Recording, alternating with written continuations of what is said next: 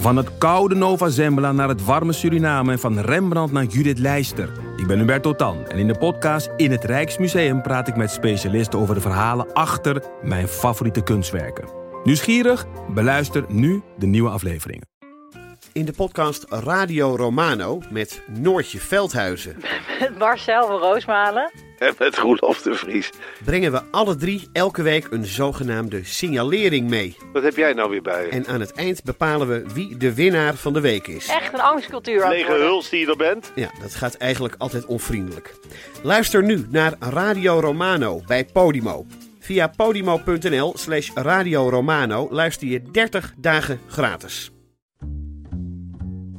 Hallo, vanaf de redactie van De Groene Amsterdammer is dit uw wekelijkse podcast. Ik ben Kees van der Bos.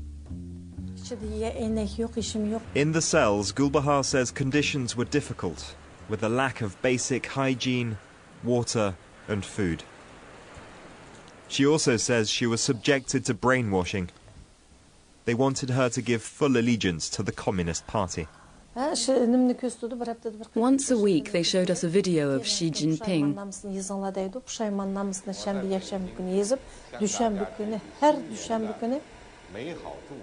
Then they told us to write assessments on ourselves.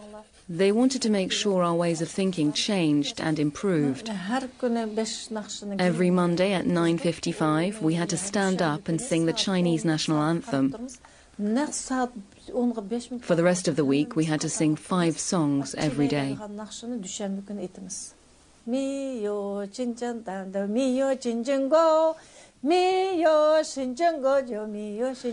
De stem die u hier hoort zingen is Gulbahar Jelilova, een Oeigoerse.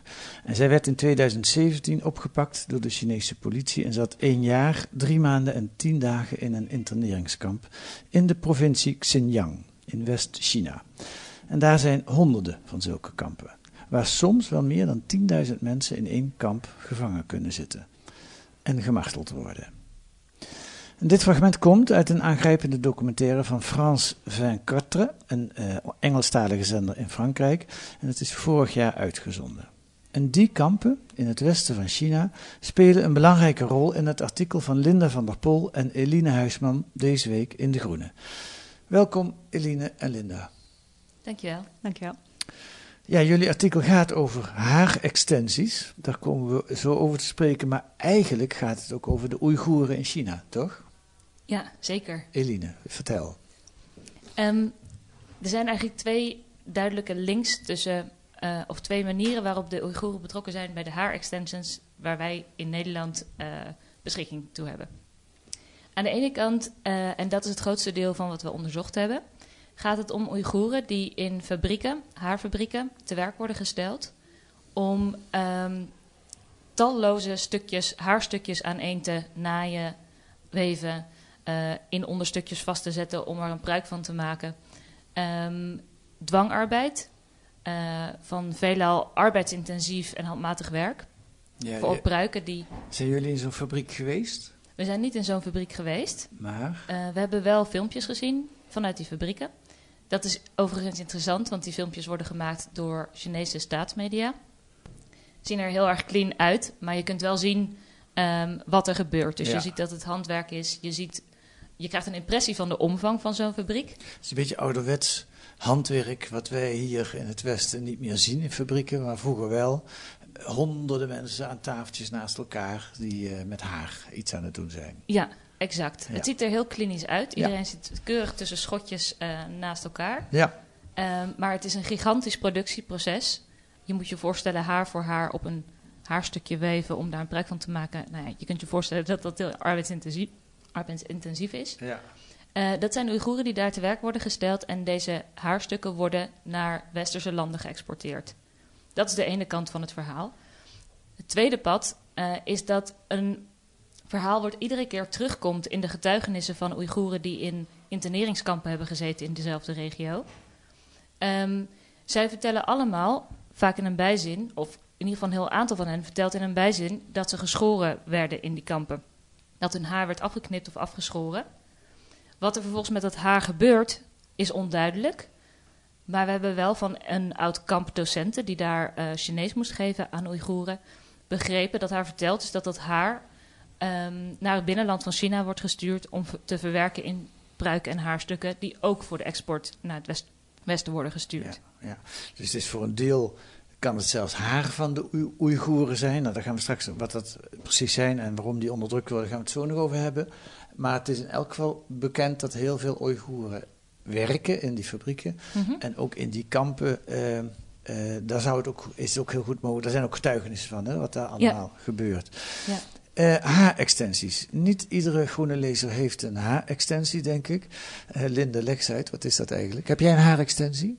Nee, ik heb wel vrij lang haar en vrij dik haar. Mag ik dat vragen eigenlijk, of is dat uh, te persoonlijk? Nou, wat wel interessant is, wat we in dit onderzoek merkten, is dat haarextensies, dat zijn eigenlijk stukken haar, stukken mensenhaar, die je in je eigen haar uh, weeft of op een andere manier vastmaakt, zodat je zelf uh, haar hebt. Ja, ik zou het kunnen doen om mijn kaalheid te verbergen. Jij zou het kunnen doen om een vollere haardos te maken, bijvoorbeeld, hè? Ja, ja, precies. Um, en nu enkele decennia geleden, misschien een decennium geleden nog maar, um, zat het best in de taboesfeer. Vrouwen die droegen dit wel. Ja. Um, maar als ze dit lieten inzetten door de kapper, dan gingen ze uh, bij de achterdeur naar binnen, bij de kapsalon, zodat men niet zou zien dat die persoon extensions kwam halen. En tegenwoordig is dat heel erg uit de taboesfeer gehaald. Nu zijn uh, celebrities die die uh, dragen nu in grote getalen extensions en daar zijn ze ook trots op. Ja, daar... Kim Kardashian, eh, Beyoncé, en die maken er reclame voor. Dus het, is, je mag, het mag nu. Dus ik mag. het ook vragen. Zeker, ja. Ik heb ze niet, helaas. Eline, heb jij haarstukje? Ik heb ze ook niet. Nee, ja, je hebt wel een mooie volle bos uh, haren, maar dat is helemaal van jezelf. Ja, dank je. uh, en het grappige is ook dat jullie ik denk ook om die reden van het onderwerp. Is het, jullie zijn van Investico, daar zitten hier heel vaak journalisten van Investico, dat is het platform voor onderzoeksjournalistiek. Uh, en jullie werken voor De Groene, of voor Investico, maar dit artikel staat in De Groene. Maar het komt ook in de Linda uh, van deze week. Dat vind ik wel grappig. Dat is waarschijnlijk vanwege het onderwerp. Dat klopt. Ja, ja. Uh, Investico heeft niet eerder samengewerkt met Linda. Nee. Maar we vonden het voor de gelegenheid een heel goede mediapartner, omdat Linda inderdaad een lezerspubliek heeft dat wel degelijk extensions draagt. Ja. In tegenstelling tot het publiek van de Groene, vermoeden wij. Ja, nee, grappig. Uh, jullie zijn twee jonge uh, onderzoeksjournalisten, uh, dragen zelf geen extensies. Hoe kom je er dan op, Eline? Kijk naar jou, waarom zijn hm. jullie dit gaan onderzoeken?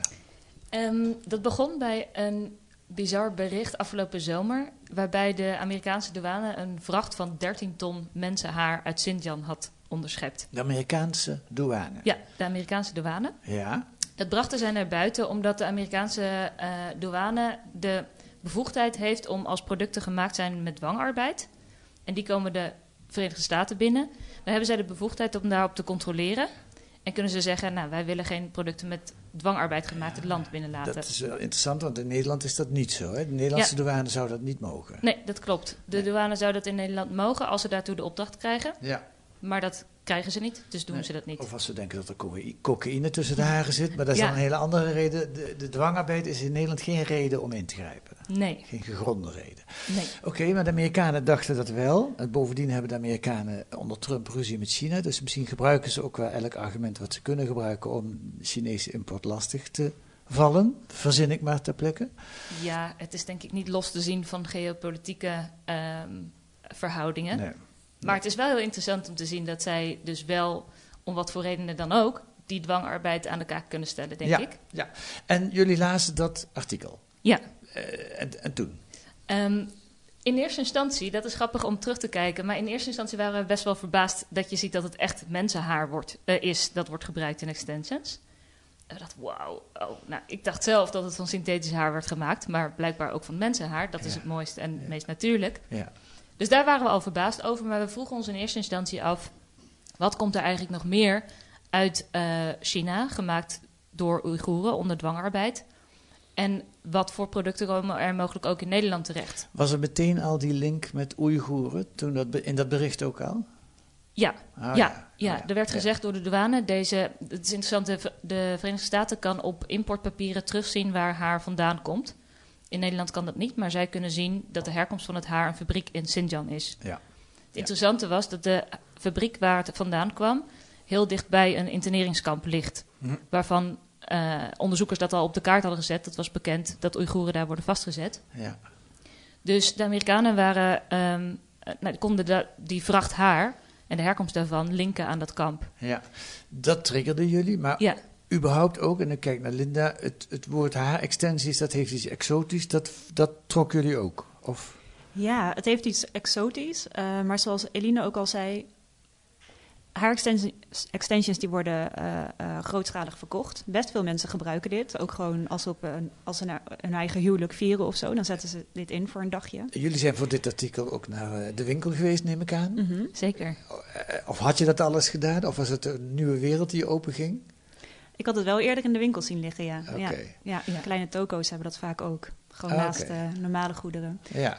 Um, maar ja, het, het bizarre hieraan is dat je inderdaad... Veel dragers beseffen zelf ook niet echt... dat ze, ze weten dat ze mensenhaar dragen... maar ze staan er niet bij stil dat ze daadwerkelijk... de staart die iemand anders aan de andere kant van de wereld... bij zichzelf heeft afgeknipt, nu op hun hoofd hebben. Ja. Uh, en dat op zichzelf is een bizar gegeven, vind ik. Ja, het is iets als bond eigenlijk. Hè? Je, je, het is tweedehands. Je, je draagt de haren die, die eerst iemand anders gedragen heeft. Ja, ja en eigenlijk... En bij dieren zijn we dat gewend. Ja. Om dierlijke producten te gebruiken. Maar dit is van mensen. Ja, ja. Elite, wat wil je zeggen? Nou, dat eigenlijk in alle culturen... Uh, of dat nou een hele lange traditie heeft of niet... bijna overal ter wereld heeft haar toch op wat voor manier dan ook... een symbolische betekenis. Ja. Uh, het is zo dicht gelinkt aan schoonheid... dat het best een wrang idee is dat iemand anders zich ontdoet van zijn of haar haar om een anders hoofd te vervrijen. Dat, ja. uh, en ja. zeker als dat vanuit armoede of dwang gebeurt. Ja. Ja, dat triggerde ons wel heel erg. Ja, nou gaan we naar die dwang. Gaan we eerst even iets vertellen over de uh, Oeigoeren. Uh, er wonen er zo'n 10 miljoen van uh, in de provincie Xinjiang, heb ik al gezegd, in het westen van China. Uh, twee jaar geleden was er een hoorzitting in het Amerikaanse congres, waar uh, een andere Oeigoerse mevrouw, dan u in het begin hoorde, Mirigul Tourson, getuigt voor het Amerikaanse congres. En zij vertelt dit. My name is Mihrigul Tursun and I am 29 years old. I am a Uyghur. Over the last three years, I was taken to China's government detention centers three times. I spent a total of 10 months in the camps. I also experienced torture in a tiger chair the second time I was detained. I was taken to a special room and placed in a high chair. Bands held my arms and the legs in place and tightened when they pressed a button.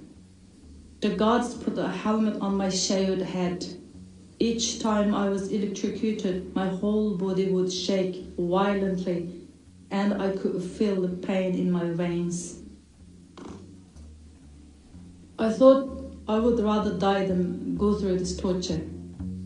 I begged them to kill me. Mevrouw Toersoen voor de een hoorzitting van het Amerikaanse congres. Wat is er aan de hand? Uh, uh, Xinjiang is een, uh, een, provincie in China, West-China. En 10, 15 jaar geleden is daar een soort lang groeiend verzet gekomen. Men wilde onafhankelijkheid. Het ging gepaard met demonstraties, het ging zelfs gepaard met terroristische aanslagen. En de reactie van de. Dat is eigenlijk de, de grond van de onderdrukking die er nu plaatsvindt door China. Zeg ik het allemaal goed? Uh, en die onderdrukking gaat heel ver. Hè. Daar zit volgens de Verenigde Naties zitten een miljoen mensen. In de, in, dat is één op de tien Oeigoeren zitten in interneringskampen. Dat is onvoorstelbaar. Maar ook buiten die interneringskampen in het gewone leven van uh, in die provincie is het geen pretje. Vertel eens, Linda, kijk naar jou. Ja, um, nou, allereerst over die interneringskampen. Daar worden Oeigoeren uh, naartoe gestuurd om volgens de Chinese overheid uh, heropgevoed te worden. Dus zij leren daar inderdaad um, het Chinese volkslied zingen, et cetera. Ze leren daar de Chinese waarden. De Chinese overheid doet er ook helemaal niet geheimzinnig over. Hè? Dat zijn geen, geen, geen eh, concentratiekampen of zo. Dat zijn, daar wordt de armoede bestreden. Het zijn ja, heropvoedingskampen. Precies, precies. Dat zijn een soort uh, scholen waar mensen een gedegen Chinese opvoeding krijgen. Ja. Um, na enkele jaren in zo'n kamp wordt iemand beschouwd als um, heropgevoed. Dan studeert die persoon af. En dat is vaak het moment waarop iemand um, naar een fabriek gezonden wordt, ofwel in Xinjiang ofwel in een regio daarbuiten, uh, om daar arbeid te verrichten. Uh, en algemeen wordt wel gesteld dat dat arbeid is waar men te weinig voor betaald krijgt, waar hevige surveillance is, mm. waar mensen alsnog in de avonduurtjes Chinese lessen krijgen, taalles uh, bijvoorbeeld. Um, dus dat, dat kun je geen, geen vrije ar arbeid nee. noemen. En dat gebeurt inderdaad allemaal nog na die periode van het interneringskamp. Ja. ja. En, en wat ik bij een filmpje bij de NOS zag, dat mensen die niet in een interneringskamp zitten, maar gewoon over straat lopen, voortdurend met politiecontroles te maken hebben, telefoon moeten inleveren, kijken welke apps erop staan. Dat gaat echt heel ver. Hè? Mhm. Ja, dat klopt.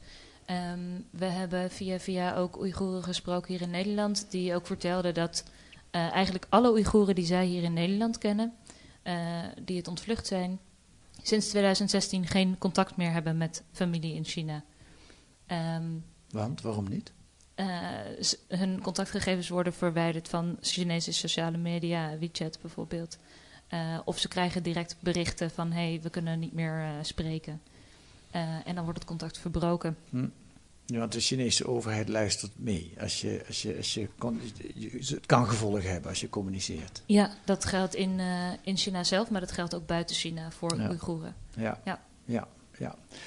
Nu vraag ik me wel af. Um, ik vroeg net al, ben je in zo'n fabriek geweest? Hoe, uh, je leest zo'n bericht uh, van die haarextensies in beslag genomen. Maar je, je, zit hier in Amsterdam op een kantoortje bij Investico. Hoe pak je dat aan?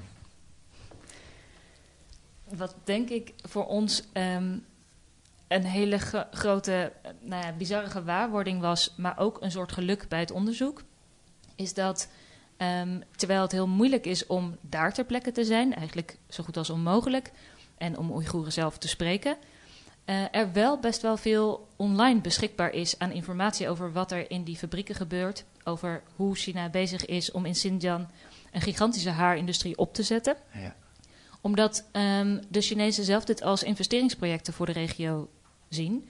En het presenteren als um, manieren om uh, de regio uit de armoede te trekken. Mm -hmm. Dus dat betekent dat we onder andere met hulp van een vertaler op het Chinese internet een heleboel berichten konden vinden. Over, waarin openlijk um, verteld werd hoe er aan die haarindustrie wordt gebouwd. Maar ook um, hoe uh, Chinese, of um, Oeigoerse arbeiders bijvoorbeeld worden aangeprezen op het Chinese internet. Ja, dat stond ik van te kijken. Er wordt gewoon ja. reclame voor gemaakt. Hè? Per 100 kun je ze kopen. Ja, ja. je kunt er ook een 24-7 uh, bewaking bij krijgen. Ja. Ze zijn uh, militair getraind, gewend aan ontberingen. Uh, ja, dat zijn de openlijke berichten die je kunt vinden. Wat heel bizar is, maar wat het voor ons maar wat het ook mogelijk maakte om toch een idee te krijgen van de ontwikkelingen die gaande zijn. Ja, het is een hele rare combinatie van iets waar je in het Westen elk land zich enorm voor zou schamen. Maar in China kun je het verkopen omdat het goed is voor het land. Uh, individu individuele levens, ja, dat is jammer. Maar we zijn bezig met een regio daar te ontwikkelen. Die weg wilde van China, dat is helemaal niet goed voor China als die regio weggaat. Dus we pakken ze aan. Ja. De, dat maakt het voor jullie makkelijker om het te onderzoeken. Ja, dat maakte dat er in ieder geval openlijke berichten beschikbaar waren waar we een idee van konden krijgen hoe de haarindustrie zich hier ontwikkelt. Ja. Um, ja. ja, dus dat, dat heeft ons veel geholpen. Wat ook helpt is dat um, in Europa is dat niet zo, maar in de Verenigde Staten en in China zijn een heleboel handelsgegevens openbaar. Dus dat wat van um, China naar de Verenigde Staten wordt geëxporteerd, dat kun je in betaalde handelsregisters uh, terugvinden. Je kunt de hoeveelheid terugvinden, je kunt het, type product terugvinden. Je kunt zien bijvoorbeeld dat het uit een fabriek komt wat dicht bij een interneringskamp ligt, aan de overkant van de straat, in het uh, Amerikaanse voorbeeld. Uh, en dat maakte dat wij ook um, de link konden leggen tussen handelaren in Xinjiang en buiten, buiten de regio verder in China, die exporteren naar de Verenigde Staten, waarvan wij kunnen zien dat die producten ook in Nederland terechtkomen. Dus dat maakte het ook, uh, dat was ja. ook weer een stukje van de puzzel die we met data konden leggen. Ja, dus je hebt ook heel veel met data-onderzoek gedaan. Absoluut. Nou, nou ja. kan ik me voorstellen, als, dat moet ik eens aan denken, als je dus zo met cohorten van 100 die Oeigoerse arbeiders kunt kopen, dat ook fabrieken van Apple of uh, ja, weet ik wat voor westerse merken er allemaal in China gemaakt worden, dat daar misschien ook wel Oeigoeren werken. Weet u er iets van? Zeker, ja. Um, begin dit jaar, ik denk in april, kwam er een groot onderzoek uit van uh, ASPI, een um, NGO uit Australië. Ja. En die toonde inderdaad aan dat heel erg veel elektronica bedrijven met name gebruik maken van dwangarbeid in, uh, in Xinjiang ook. Hm. Um, en wat, heel erg, wat daar heel erg lastig aan is, is dat zo'n keten, zo'n productieketen van technologie, maar ook van textiel, maar ook van haar, die is heel erg lang. Dus vaak vindt er een klein deel plaats in Xinjiang en dan gaat ja. het vervolgens drie regio's door uh, voordat het in het Westen terechtkomt. Ja. Ehm, maar zij lieten inderdaad zien dat zeker productieprocessen ook in Xinjiang plaatsvinden. Ook voor uh, Apple, Nike, Adidas. Ja, hoe actueel het allemaal is, is ook... De vorige week was er een hoorzitting in de Tweede Kamer. Dat ging dan niet speciaal over de Oeigoeren... maar überhaupt over de schoonheid van de, van de kledingketen. En, en, en even terug naar de... of tot slot terug naar de haarextensies. Um, ze komen ook veel uit, uh, überhaupt, hè, wat jullie al aangeven. Ze hebben eerst op iemand anders hoofd gestaan. En vaak is dat ook een hoofd uit India. Uh, dat haal ik uit een boek van Emma Tarlow, een antropologieprofessor in Londen. En die schreef vier jaar geleden het boek Entanglement, wat verstrengeling betekent. en zij zegt over de herkomst van het haar het volgende. In South India, um, uh, there are various temples where one can go and sort of make a vow to the god or goddess that, that if something good happens, uh, then you will come to the temple and you will offer your hair. So whole families will sort of pledge their hair and then they'll go en masse uh, to particular places. So the, the biggest temple is, and the most famous one is, is Tirumala in Andhra Pradesh, where there's actually 650 full time barbers. Het vogeltje wat u hoorde was de BBC-verslaggever die probeerde een vraag te starten. Uh, eh, 650 kappers in een, Tirimala in één zo'n uh, Indiase tempel. Mensen scheren hun haar af, want dat is een soort uh, gebaar naar de goden. Dan koop je, ja, wat, wat krijg je ervoor terug eigenlijk? Mag je naar de hemel of weet je het ook niet? Je mag de tempel binnen. je, je, bent, ik begreep volgens mij uit het boek dat, je, dat veel mensen zichzelf als onrein zien op het moment dat ze de tempel ingaan wanneer ze hun haar nog op hun hoofd hebben. Ja. Ja. ja. En het is ook een, een gift van schoonheid die je volgens weer afstaat. Ja, en dat kunnen we dan weer zien op de hoofden van Beyoncé of Kim Kardashian of misschien wel uh, ja, mensen om ons heen. Um, maar eigenlijk gaat jullie verhaal dus niet alleen over haar-extensies en Oeigoeren, denk ik dan. Maar het is een verhaal zoals eigenlijk heel veel verhalen in de, in de helemaal deep down over arm en rijk. Zeker, ja. Arme mensen hebben niet zoveel om te geven of te verkopen of om geld te verdienen. Eh, ze kunnen gaan werken om allerlei omstandigheden, maar in dit geval ze kunnen ook hun haar afscheren. Precies, ja, inderdaad. En de tempels uh, in India zijn één ding, maar een andere hele grote leverancier van, van haar is het Chinese platteland. Waar handelaars overheen reizen en um, jonge meisjes vragen of zij hun haar willen afstaan. In ruil daarvoor krijgen zij een beetje geld, zodat hun familie weer een maand kan overleven. Uh, wat doen? Moeten we met spuitbussen de straat op, net als bij Bond. En iedereen die een haarextensie heeft, uh, second hand op zijn hoofd spuiten? Of wat stellen jullie voor? Ik vind het altijd moeilijk. Uh, kijk, een probleem goed uh, aan de kaak stellen en uitzoeken is, is een vak op zich waar wij ons in verdiepen. En de oplossing wil ik graag aan anderen laten. maar dat is een beetje een flauw antwoord misschien. Ja. Ja, je bent een journalist en geen politicus natuurlijk. Nee, en ik zeker als onderzoeksjournalist vind ik het ook heel belangrijk om die scheiding wel zo te zien. Ja. Um, ik denk dat het wel van belang is om ons verhaal in het licht van iets groters te zien. Um, je noemde zojuist al de hoorzitting die er vorige week was in de Tweede Kamer. Mm -hmm. uh, waarin het inderdaad voornamelijk om textiel ging. En um, Gisteren hebben um, een aantal partijen minister Kaag opgeroepen om te kijken of um, Nederlandse bedrijven die in China ondernemen uh, en dus betrokken zijn in de textielindustrie, of die gesteund kunnen worden om zo snel mogelijk hun business uit Xinjiang te halen en China, om te zorgen dat dat dus eigenlijk niet langer, uh, nou, dat je die keten in ieder geval niet langer zo in stand houdt. Mm -hmm. um, er zijn ook veel onderzoekers die zeggen, um, net als bij haar, zijn er een heleboel producten die zo gemaakt worden in China, waarvan we eigenlijk niet meer kunnen garanderen of het niet met dwangarbeid gemaakt is. En ik denk, um, kijk, je kunt natuurlijk aan de consumentenkant hier kijken, maar volgens mij moet je dit zien in het licht van iets groters. Niet alleen dwangarbeid, maar het maakt deel uit van een politiek programma gericht tegen minderheden. Um, dat niet alleen met arbeid te maken heeft, maar met een, ja, sommige mensen noemen dit een culturele genocide. Uh, maar wat in ieder geval te maken heeft met een hele ernstige vorm van onderdrukking van minderheidsgroeperingen. Die zich ook uitstrekt naar andere groepen dan Oeigoeren. En ik denk dat je het in dat grotere licht moet zien. Dus mm. alleen naar de consument hier wijzen is misschien heel direct uh, een klein dingetje wat je kan doen. Uh, maar ik denk dat je het ook zeker in het licht van het grotere plaatje en de handel met China moet zien. Ja, ja dat, dat snap ik. Nou is wel een, probleempje dat China een wereldmacht aan het mhm. worden is. Dat maakt het iets moeilijker om ze, op hun, uh, om ze daarop te wijzen. Mhm. Maar dat neemt niet weg dat het zou moeten gebeuren natuurlijk. Maar je zou ook kunnen zeggen, dat viel me op toen ik een stukje van die hoorzitting vorige week in de Tweede Kamer zag. Dat de, de textielindustrie, de kledingindustrie, die zegt: ja, wij doen echt ons uiterste best om te achterhalen. Maar het begint al met de katoen. We weten eigenlijk al niet goed waar de katoen vandaan komt en hoe dat precies gemengd is. En dat is een soort excuus waar ze nu nog mee wegkomen. Dus je zou, maar je zou ook kunnen zeggen: het bewijslast ligt altijd bij de producent. Als je iets op de markt brengt, bewijs maar dat het een fatsoenlijk product is. Zeker, ja. Um, wat de, textielprodu uh, de textielverkopers in Nederland daarin, daartegen inbrengen, is dat zij wel een producent in China op kunnen aanspreken dat die hele keten schoon moet zijn ja. in China.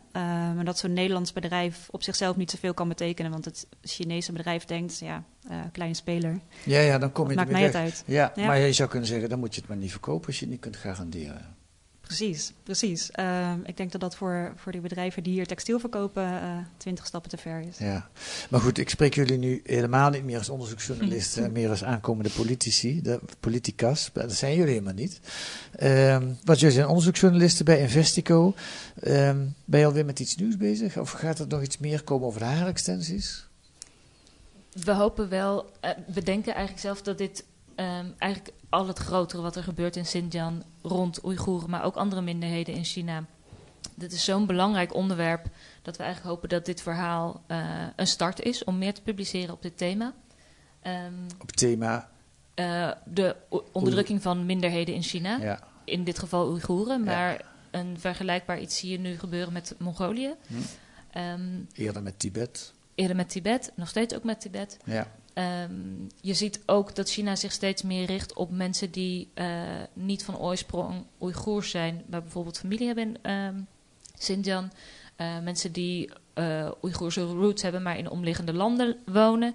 Dus die invloed en die controle die breiden zich steeds verder uit. Ja. Ik denk daarom dat dit een onderwerp is wat de komende jaren nog heel belangrijk gaat blijven. Dus ik hoop ook dat dit verhaal een start is voor meer verhalen op, uh, op hetzelfde onderwerp. Ja. Uh, en Linda, heb jij uh, nog iets uitstaan? Of? Ik sluit me hier helemaal bij aan. Ik denk dat wij zelf inderdaad verder blijven gaan met China. Ja. Ja. ja. Nou, het is een belangrijk verhaal en het is ook belangrijk, denk ik, dat het niet alleen in de Groene staat, maar dat ook Linda daarover gepubliceerd heeft, hè, waardoor het veel breder verspreid wordt. Dank jullie wel voor dit gesprek. Dank je wel. Dank je wel.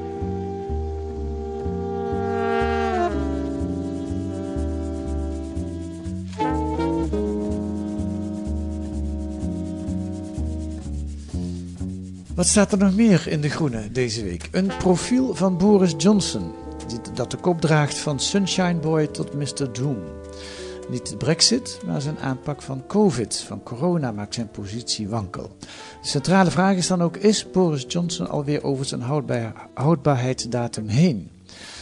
En een analyse van Marijn Kruk, ik zag hem afgelopen zondag nog in Buitenhof, over de onderschatting van Baudet.